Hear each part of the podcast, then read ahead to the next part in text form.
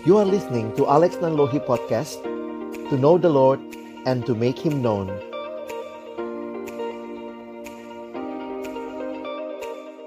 Terima kasih ya Tuhan untuk kesempatan kami akan bersama-sama membuka firman-Mu. Kami mohon biarlah waktu kami membuka firman-Mu, bukalah juga hati kami. Jadikanlah hati kami seperti tanah yang baik, supaya ketika benih firman-Mu ditaburkan itu boleh sungguh-sungguh berakar, bertumbuh, dan juga berbuah nyata di dalam hidup kami. Berkati baik hambamu yang menyampaikan, semua kami yang mendengar, Tuhan tolonglah kami semua, agar kami bukan hanya jadi pendengar-pendengar firman yang setia, tapi mampukan dengan kuasa, dengan pertolongan dari rohmu yang kudus, kami dimampukan menjadi pelaku-pelaku firman-Mu di dalam hidup kami, di dalam masa muda kami. Bersabdalah ya Tuhan, kami umatmu sedia mendengarnya. Dalam satu nama yang kudus dan berkuasa, nama Tuhan kami Yesus Kristus, kami menyerahkan pemberitaan firman. Amin. Shalom. Selamat sore teman-teman sekalian. Tama-tama bersyukur buat kesempatan boleh melayani sore hari ini dan selamat datang buat teman-teman juga yang baru bergabung tentunya di KP. Dan kesempatan ini jadi kesempatan yang indah untuk kita sama-sama belajar kebenaran firman Tuhan, bertumbuh bersama-sama. Sore hari ini tema yang diberikan kepada kita adalah true worship ya.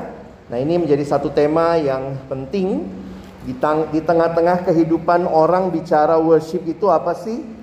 Apakah worship itu waktu kita lagi duduk, atau kita lagi memuji Tuhan di gereja dalam waktu yang terbatas, atau kita bisa juga melihat arti yang lebih luas daripada worship itu. Nah, hari ini saya ingin mengajak kita sama-sama belajar dari kebenaran firman Tuhan. Kita akan membuka Roma 12 ya. Roma 12 kita akan lihat ayat yang pertama sampai dengan ayat yang ke-8.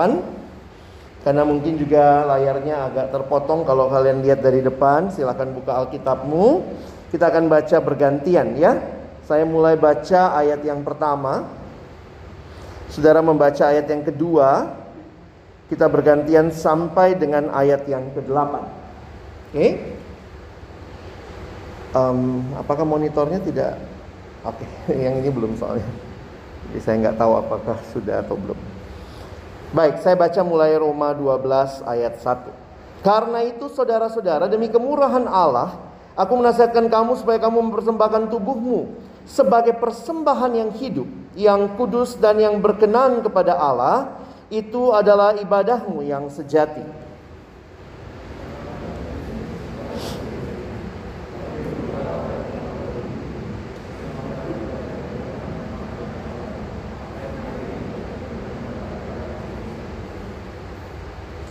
Berdasarkan kasih karunia yang dianugerahkan kepadaku, Aku berkata kepada setiap orang di antara kamu, janganlah kamu memikirkan hal-hal yang lebih tinggi daripada yang patut kamu pikirkan, tetapi hendaklah kamu berpikir begitu rupa sehingga kamu menguasai diri dan menurut ukuran iman, menguasai diri menurut ukuran iman yang di, dikaruniakan Allah kepada kamu masing-masing.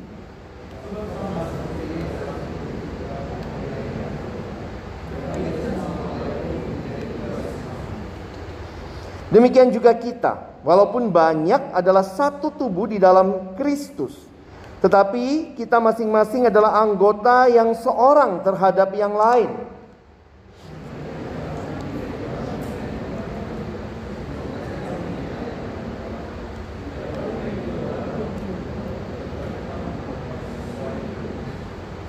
Jika karunia untuk melayani, baiklah kita melayani. Jika karunia untuk mengajar, baiklah kita mengajar.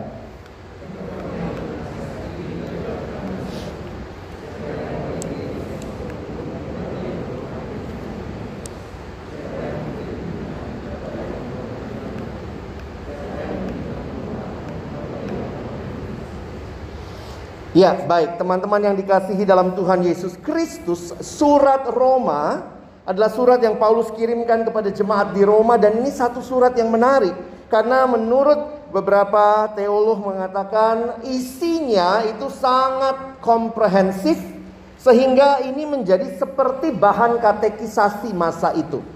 Nah, menarik sekali bahwa Paulus itu waktu menulis surat dengan Paulus itu ahli hukum ya. Dia sarjana hukum ya. Loh, dari mana kok taunya? Oh, dia sarjana hukum Taurat. Kan orang Farisi. Jadi logis sekali urutan berpikir ketika Paulus menulis kitab Roma. Nah, kebiasaan Paulus menulis itu ada dua bagian. Kalau teman-teman pahami, dalam surat-surat Paulus itu ada dua bagian biasanya. Ada bagian yang sifatnya lebih teoritis, lalu kemudian nanti ada bagian yang sifatnya lebih praktis. Makanya biasanya bagian depan itu memberitakan atau memberikan gambaran teoritisnya atau mungkin kalau kita bicara ini gambaran teologis. Lalu bagian kedua nanti baru mulai bicara tentang hal-hal yang lebih praktis ya. Nah, Roma ada 16 pasal. Bagian mana yang teologis? Mulai dari pasal 1 sampai pasal 11. Di dalam bagian itu Paulus menjelaskan siapakah Kristus. Apa yang dia lakukan bagi manusia berdosa. Kita selalu ingat ayat-ayat Roma ya. Upah dosa adalah maut Roma ya. Semua manusia berdosa dan kehilangan kemuliaan Allah. Itu juga Roma. Nah, Paulus berusaha menjelaskan tentang apa yang Yesus lakukan. Dan kemudian, karena kamu sudah mengenal Yesus, maka kemudian dia melanjutkan. Mulai pasal 12 sampai pasal yang keempat, uh, sampai pasal yang ke-16 itu bagian-bagian yang praktikal. Jadi ini menarik ya cara mengajar yang bagus. Before you ask people to do something, you need to give the reason behind that. Why you should do it. Jadi ini jadi cara mengajar yang menarik. Jadi kalau kalian perhatikan, um, saya tolong, nggak jalan lagi nih.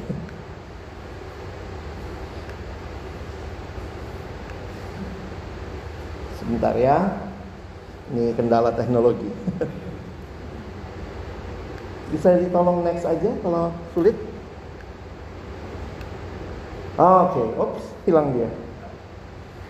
Welcome. Oke. Okay. Nah, teman-teman perhatikan pasal 12 hari ini kok mau kita belajar bahwa Paulus sedang bicara tentang a new life in Christ. And a new life in Christ pada saat yang sama membawa a new relationship Nah, karena itu lihat pertama relationship with God ayat 1 dan 2 yang kita baca tadi. Yang kedua adalah relationship with self with ourselves. Ayat yang ketiga dan nanti kita bicara relationship with one another. Ya. Nah, kita lihat dulu kalau bicara bagaimana relasi dengan Allah. Teman-teman, kalau dulu kita hidup di dalam dosa, maka sekarang kita hidup di dalam Kristus. Maka ada satu pengertian yang menarik dalam relasi dengan Allah. Paulus bicara ibadah. Makanya ayat yang terkenal bicara true worship adalah Roma 12 ayat 1. Ya, kita lihat sama-sama. Ayat ini sekali lagi kalau kita baca karena itu saudara-saudara demi kemurahan Allah aku menasihatkan kamu supaya kamu persembahkan tubuhmu sebagai persembahan yang hidup, yang kudus dan yang berkenan kepada Allah. Nah, perhatikan. Itu adalah ibadahmu yang sejati. Hari ini Koko ingin sharing beberapa hal tentang ibadah. Dan saya pikir ini juga penting kita pahami ya. Secara khusus karena kita adalah orang-orang yang telah ditebus. Perhatikan, ibadah itu dimulai dari Allah. Itu adalah meresponi anugerah Allah. Saya ulangi ya. Ibadah itu dimulai dari Allah, bukan dari manusia. Itulah ibadah Kristen. Ketika semua agama berbicara datangi Allahmu, maka semua agama bicara manusia melakukan ibadah kepada Allahnya. Tetapi kekristenan mengatakan yang sebaliknya. Bukan manusia yang datang cari Allah. Keselamatan bukan apa yang kita lakukan kepada Allah. Tetapi keselamatan, anugerah adalah bicara apa yang Allah lakukan bagi bagi kita. Jadi kalau bicara telur ayamnya, ya kalau kita orang Kristen ditanya mana duluan, telur atau ayam? Tuhan ciptakan apa duluan? Telur dulu atau ayam dulu? Ayam ya. Nggak ada kan pada mulanya Allah menciptakan telur gitu ya. Allah ciptakan ayamnya dulu. Nah, kalau demikian, dari mana ibadah itu? Manusia kepada Allah atau sebenarnya Allah yang mengundang manusia? Sebenarnya yang kedua. Ibadah itu dimulai dari Allah meresponi anugerah Allah. Loh, kalau kita baca ayatnya tadi, nah coba lihat ya. Kalau kamu langsung baca, saudara-saudaraku demi kemuliaan Allah, aku menasihat kamu, menasihatkan kamu supaya kamu mempersembahkan diri.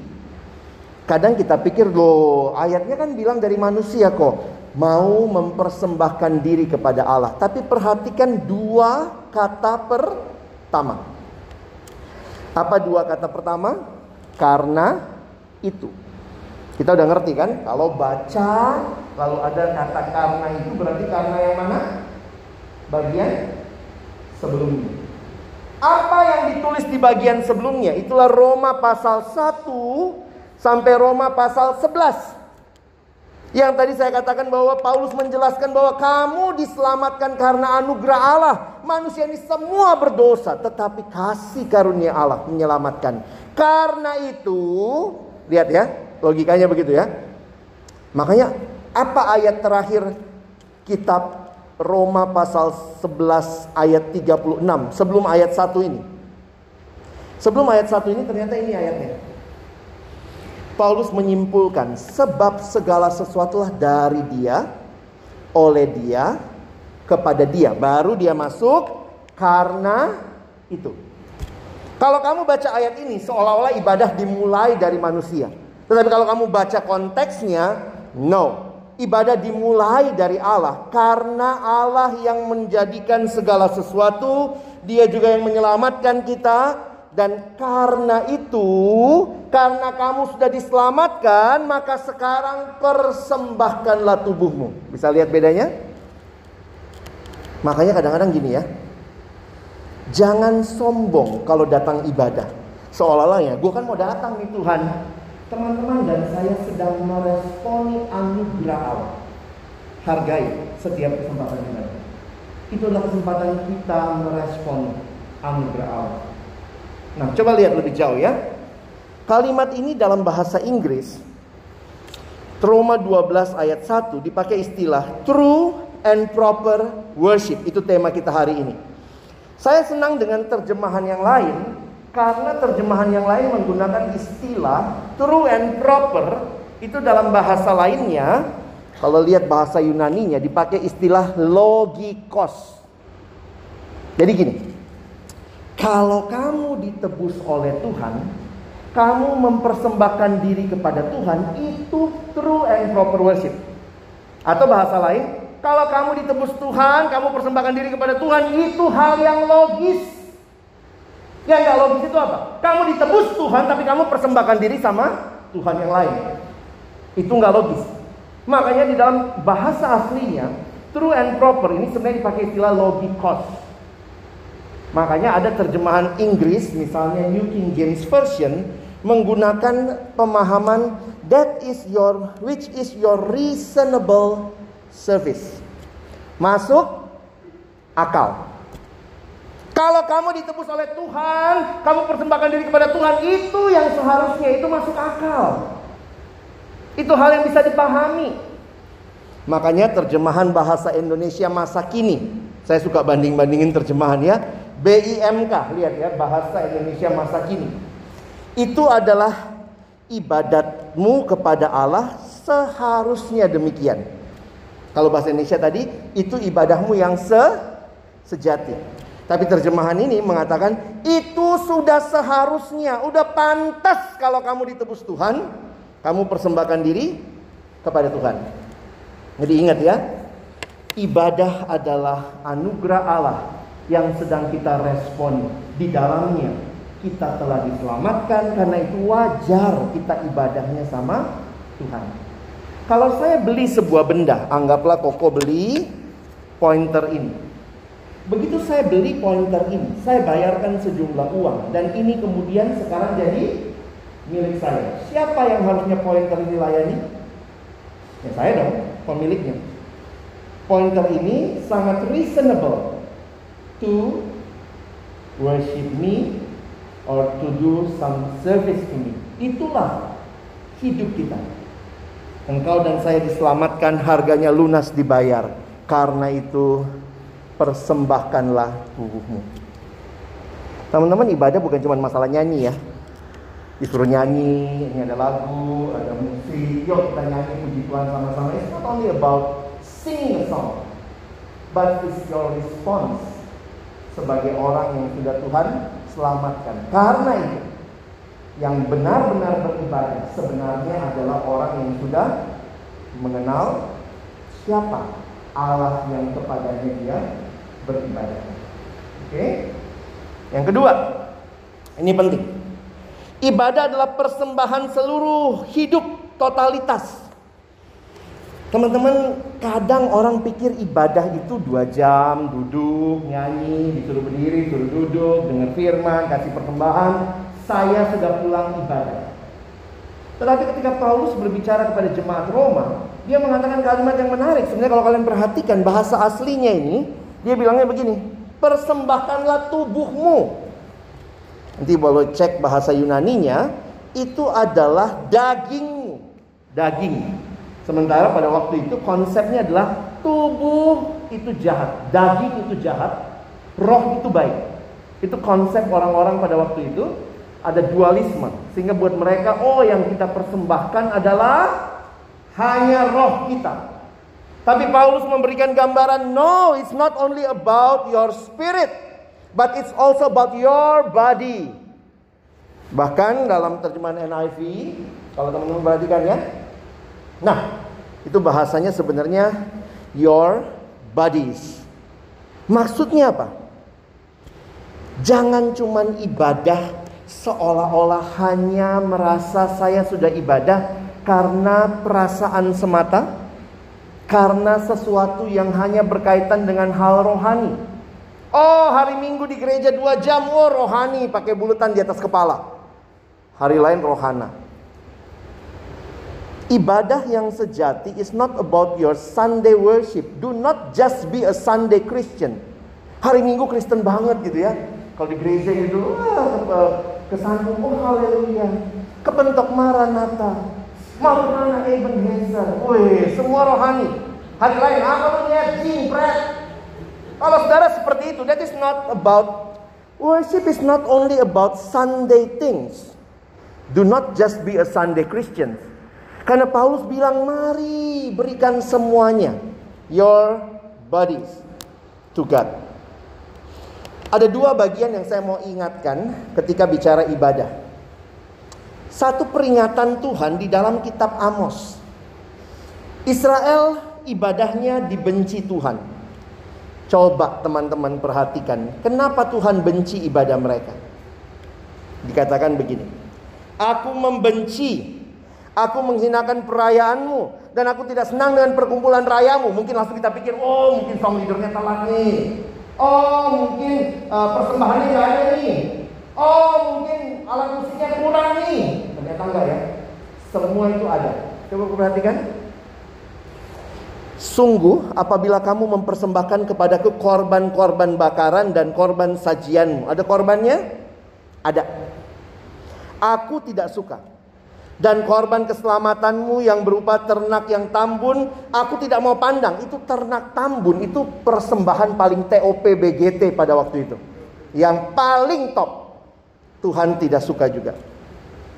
Jadi udah hilang tuh. Kenapa ibadahnya tidak diterima Tuhan? Bukan karena nggak ada persembahan. Bukan karena nggak ada korban. Lihat lagi ayat 23. Jauhkanlah daripadaku keramaian nyanyian-nyanyianmu. Berarti ada lagu? Ada. Lagu gambusmu aku tidak mau dengar. Ya ampun Tuhan maunya apa sih? Lagu dia nggak suka. Jadi ibadah mereka ini bukan karena nggak ada pujiannya, nggak ada alat musiknya. Tapi ternyata masalahnya apa? Lihat ayat terakhir. Ayo baca ya ayat 24. Satu dua ya. Tetapi biarlah keadilan bergulung-gulung seperti air dan kebenaran seperti sungai yang selalu mengalir. Kalau kalian baca kitab Amos, Masalahnya mereka ibadah di hari-hari yang ditentukan. Tapi hidup mereka di luar. Bahkan tidak memperhatikan sesama.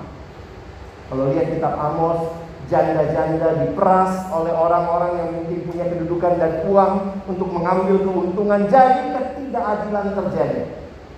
Akhirnya saya menyimpulkan apa? Ibadah itu bukan cuma masalah hari minggunya. Bukan cuma masalah worship bareng-barengnya. Kalau kamu orang yang punya kuasa, bagaimana kamu exercise your power and authority during the whole week? Kalau kamu seorang siswa, Bagaimana kamu menjadi siswa yang beribadah kepada Tuhan di ujian-ujianmu di kelas, di pergaulanmu. Worship is not something only about Sunday worship, Sunday things. No. Tuhan marah bukan karena tidak ada kelengkapan komponen ibadah. Masalahnya apa? Kamu tetap hidup tidak adil Hari Minggu menyembah Tuhan, hari lain membuli teman. Itu Kristen? Hari Minggu hidup kudus, hari lain hidup kudis. It's not a Christian. Your whole body, that is your reasonable act of worship. Tuhan Yesus bahkan mengutip Yesaya 29 ayat 13. Ketika Tuhan Yesus bilang, bangsa ini memuliakan aku dengan bibirnya, tetapi padahal hatinya jauh daripadaku. Karena itu Yesus katakan, percuma mereka beribadah kepadaku, sedangkan ajaran manusia yang mereka ajarkan ialah ajaran yang mereka ajarkan ialah perintah manusia. So, ibadah kita ini namanya ibadah formal. Dosen liturgi saya bilang gitu ya, ini namanya ibadah formal. Tapi sesudah ibadah formal satu jam, satu setengah jam, dua jam, Itulah ibadah hidup sehari-hari yang saudara dan saya harus lakoni di luar sana. Itu juga ibadah. Waktu lagi ujian, lagi main game, punya pacar, lagi pacaran, itu juga ibadah. Apa yang terjadi di sini sebenarnya hanyalah puncak dari perayaan ibadah kita. Dosen saya kasih gambaran gini teman-teman ya. Bayangkan setiap hari kamu ibadah, Senin ibadah, Selasa ibadah, Rabu ibadah, kan semua hidup ibadah ya. Lalu pada hari Minggu we celebrate the worship together. And then we go again to worship God in our daily lives and each Sunday. It's like itu seperti perayaan yang kita tunggu-tunggu setiap minggu. Yuk kita bersama-sama merayakan. Karena itu yang terakhir yang saya mau bagikan adalah masalah ini. It's also about corporate worship. Teman-teman, sering kali kita suka lupa ya. Kenapa banyak ahli liturgi, ahli ibadah suka mengkritik ibadah masa kini, khususnya lagu-lagu. Karena semakin hari lagu-lagu itu dinyanyikan bersama, tapi ternyata itu more about I song rather than we song. Saya kasih contoh ya. Nah, lagu lama KPPK dan sejenisnya itu banyak wisongnya. Mungkin uh, Koko kasih pengertian begini dulu ya. Dalam ibadah kita butuh dua-duanya. Ada I song, saya dan Tuhan, tapi juga ada we song. Kita dan Tuhan. Nah, kecenderungan masa kini lebih banyak I song. Nanti saya lagu-lagu banyak wisong. Anak sekarang kalau disuruh wisong itu bingung. Yang mana wisongnya? Ada lagu kami puji dengan riang sewisong. Gak cocok kamu nyanyi di kamarmu sendiri tutup pintu. Coba kalau kamu nyanyi di kamar tutup pintu, kami puji dengan riang pada mamamu. Kamu dan siapa di dalam? Keluar kalian. Kenapa kau bilang kami? gitu ya. Tapi yang lucu, banyak kali kita ini lagunya saya dan Tuhan bukan kami. Apa maksudnya? Apakah itu salah? Tidak ada salah juga. Kadang-kadang we song itu dibutuhkan, I song juga dibutuhkan. Khususnya saya, mari kita mengaku dosa. Mungkin kita menyanyi I song ya. Aku datang di hadapanmu. Tetapi jangan lupa keunikan ibadah Kristen itu corporate worship sehingga pilih juga lagu-lagu song yang bisa kita nyanyikan sebagai corporate jemaat bersama. Jadi saya akan suka mikir uh, Ya mungkin karena sekarang banyak lagu kaset ya, lagu kaset, lagu YouTube. Nah itu rata-rata memang lagu iPhone. Aku dan Tuhan. Nah tapi ibadah, makanya kalau kalian lihat keindahan KPPK, banyak song kami, kami gitu ya. Kenapa? Saya pikir dasar Alkitabnya jelas gitu. Yang dipanggil beribadah bukan cuma individu, tetapi korporasi. Sebenarnya unik juga ya, nggak pas ya sebenarnya bukannya nggak boleh ya, tapi agak kurang pas kalau kita mari doa Bapa kami. Beberapa sekolah kan kalau ibadah, mari kita berdoa Bapa kami. Terus banyak juga yang pakai doa Bapa kami di doa pribadi. Lucu juga, Bapak, harusnya Bapak gue dong, Bapak gue yang ada di surga, diguruskanlah nama lo gitu. Karena kalau kamu bicara Bapak kami, it's more about something we do together. Bapak kami yang di surga dikuduskanlah namamu. Bukan berarti nggak boleh pakai itu ya. Tapi saya melihat bahwa di dalam worship worship sekarang, it's more something maaf. Kita kalau worship rata tutup mata ya. Kenapa? I song. Oh aku Tuhan, Tuhan aku yang sebelah Tuhan tidak tahu. Tapi sebenarnya ibadah itu lihat kiri kanan. Kau saudaraku, jangan tunjuk layar ya, tunjuknya lihat layar. Kau saudaraku, saudara lo teman dia. Lu nomor berapa? Berapa tinggi? Dia kan gede nih ya. It's more about me. Saudara-saudara, ini makanya kalau lihat juga tubuh tubuh itu bodies ya. Your bodies, it's plural. Hidup keselamatan kita bukan hanya dalam konteks pribadi, tapi komunitas orang percaya. Nah, sebenarnya ini yang paling pengen Koko sampaikan malam ini supaya kita makin menghargai ya teman-teman ibadah kita waktu kita datang. Ini undangan Tuhan loh. Waktu kamu datang ingat ini bukan segala-galanya semua ibadah hari ini, tapi di luar sana kamu terus beribadah. Dan kemudian kita juga bicara kebersamaan. Beberapa minggu lagi kita mau fellowship nih ya, mau gabung sama-sama. Kenapa? Hidup Kristen itu bukan sendiri, bersama. Makanya kalau ada program-program yang dilakukan dalam kebersamaan nikmati. Itu cara Tuhan untuk membangun hidup. Ya. Nah, kalau dengan Tuhan beres sebenarnya dengan diri sendiri jadi beres, dengan sesama jadi beres. Makanya hubungan berikutnya dengan diri sendiri. Menarik ya, Paulus bilang begini. Uh, saya kutip dulu pendeta Timothy Keller. Part of being renewed in our mind is that we are able to see ourselves rightly and see our place among God's people rightly. Ya. Kalau beres yang pertama dengan Allah, kamu bisa lihat dirimu benar dan bisa lihat dirimu di tengah-tengah komunitasmu dengan benar. Oke? Nah, apa yang penting di sini ya? Nah, apa sih yang Paulus bilang? Jangan merasa diri terlalu tinggi. Saya ini kuncinya kayak ini ya, kayak pelatihan self apa uh, yang psikologi ngerti ya. Wah ini saya harus punya gambar diri yang tepat. Jangan over, sombong banget. Jangan juga minder. Kita harus memandang diri tepat. Kenapa? Karena Tuhan mengasihi kita.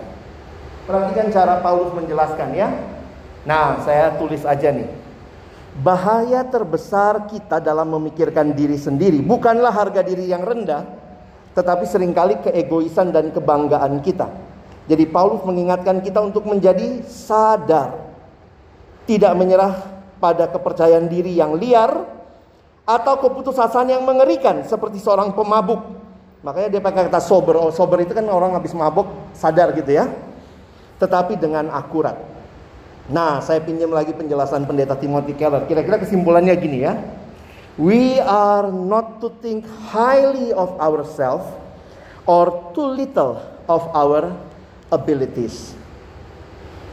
Teman-teman di rumah biasanya ada orang tua, kalau mungkin banyak ada kakaknya, ada tokonya, ada cicinya, ada dedeknya. Siapa yang paling berperan? Semua sebenarnya punya bagian masing-masing. Never think of yourself too little. Ya. Nah, ada kalimat yang menarik nih, saya perlu jelaskan. In accordance with the faith. Kalau kita memikirkan sesuai dengan ukuran iman, itu istilahnya. Menurut ukuran iman, ini maksudnya apa sih? Saya menikmati penjelasan pendeta Timothy Keller. Dia bilang begini. All of you have been given your saving faith in Christ. And that is how you are to measure yourself. We are all humbled and valued by our knowledge that we are saved through faith alone. Jadi kita humble tapi value. At the same time kita nggak sombong, tapi juga kita tidak menyepelekan diri kita. Saya pikir ini cara tepat ya. Jadi Tuhan memandang kita. Jadi begini, ada yang bilang gini ya. Kalau kamu lihat orang lain, ternyata di Alkitab nggak pernah kita disuruh bandingkan diri dengan orang lain, nggak ada.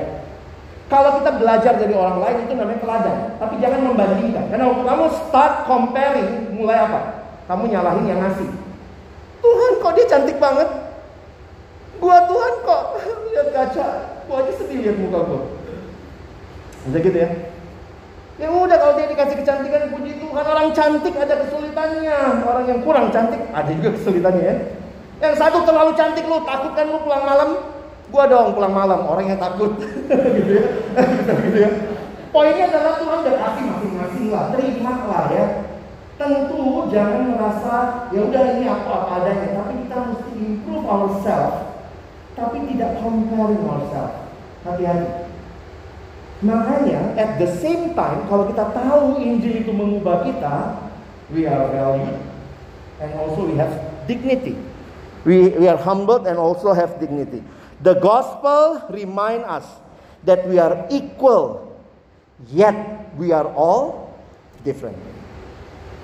Jadi Injil itu mengingatkan kita ini sama di hadapan Tuhan, tapi pada saat yang sama kita juga beda. Ada yang dikasih karunia, yang berbeda beda. Tergantung siapa? Tergantung yang ngasih. Makanya Paulus menutup dengan bagian ini ya. Waktu bicara one another, Sebenarnya dia bicara apa sih? Ini bicara satu tubuh teman-teman. Dan apa yang kalian perhatikan? Dalam komunitas orang percaya Allah mengaruniakan pela pelayanan. Jadi saya mikir benar kepada Allah, saya jadi mikir benar pada diri saya, saya jadi tahu peran saya karena saya tahu Tuhan kasih saya karunia apa, saya pakai membangun jemaat. Lihat, ada nubuat. Nubuat masih ada nggak sekarang? Ya berkhotbah begini termasuk bernubuat dalam pengertian masa kini. Melayani, mengajar, apalagi? Ada menasehati, membagi-bagikan sesuatu. Jadi teman-teman semua orang sudah dikasih partnya masing-masing. Nah, lihat nggak indahnya bahasan kita hari ini. When you start with right worship to God, You will know yourself and you will know your part in God's community. True worship is not only about singing a song, tetapi akan mengalir membangun ibadah yang baik, membangun diri kita tidak jadi over PD atau tidak jadi minder, tapi juga menolong kita melayani di dalam komunitas. Kalau kalian mau slide-nya Koko bisa kasih ya, saya udah tinggalin. Karena ini ada penjelasannya satu-satu, saya nggak jelasin ya. Nubuat itu apa, surfing itu apa. Biasanya saya pakai ini untuk kita tes minat bakat dalam pelayanan. Bisa ada yang bilang kalau saya baru nih masuk, ya bagianmu apa? Aduh saya apa ya, siapa tahu mungkin kamu bagian surfing. Atau oh kamu bagian mengajar, teaching, kamu bagian menasehati. Makanya biasanya ada berbagai part ya memberi, memimpin. Nah, saya masuk kepada prinsip yang terakhir. Lihat, variety of the gifts, source of the gifts is God and His grace. Tergantung Tuhan, kasih kita beda-beda. But the purpose of the gift is related to building up the body of Christ. Jadi kenapa Tuhan kasih kita berbagai karunia? Demi membangun tubuh Kristus. Coba bayangkan, saya punya karunia mengajar ya. Terus kemudian yang diajar. Saya pakainya di kamar mandi, saya ajarin sampo, sabun, saya, wah saya khotbah tiap hari sama sampo, sabun saya ajarin. Itu itu gila kan? Kalau kamu dikasih karunia itu untuk membangun one. Sehingga this is the university ah unit, university lagi ya nggak lihat kalian pakai jaket kampus sih ya. This is about unity in diversity ya. Kesatuan dalam keberagaman. Jadi prinsipnya kalau lihat ayat 3 sampai ayat yang ke-8 kita tidak boleh bandingkan diri dengan orang lain. Tapi mari berikan yang terbaik yang Tuhan sudah titipkan kepadamu. Sekali lagi Koko simpulkan ya. It start with the right worship to God.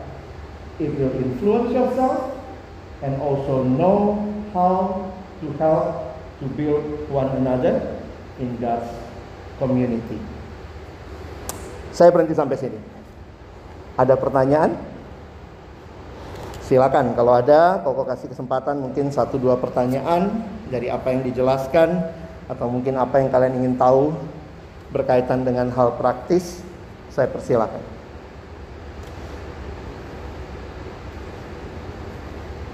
Gampang ya cuma angkat tangan aja gitu ya kalau nanya ya.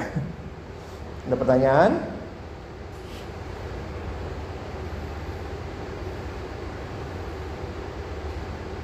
Hening cipta selesai. Penghormatan kepada pembina upacara. Ada? Silakan teman-teman. Namanya siapa terus pertanyaannya apa? Mana? Oke. Boleh berdiri. Nama oke konen.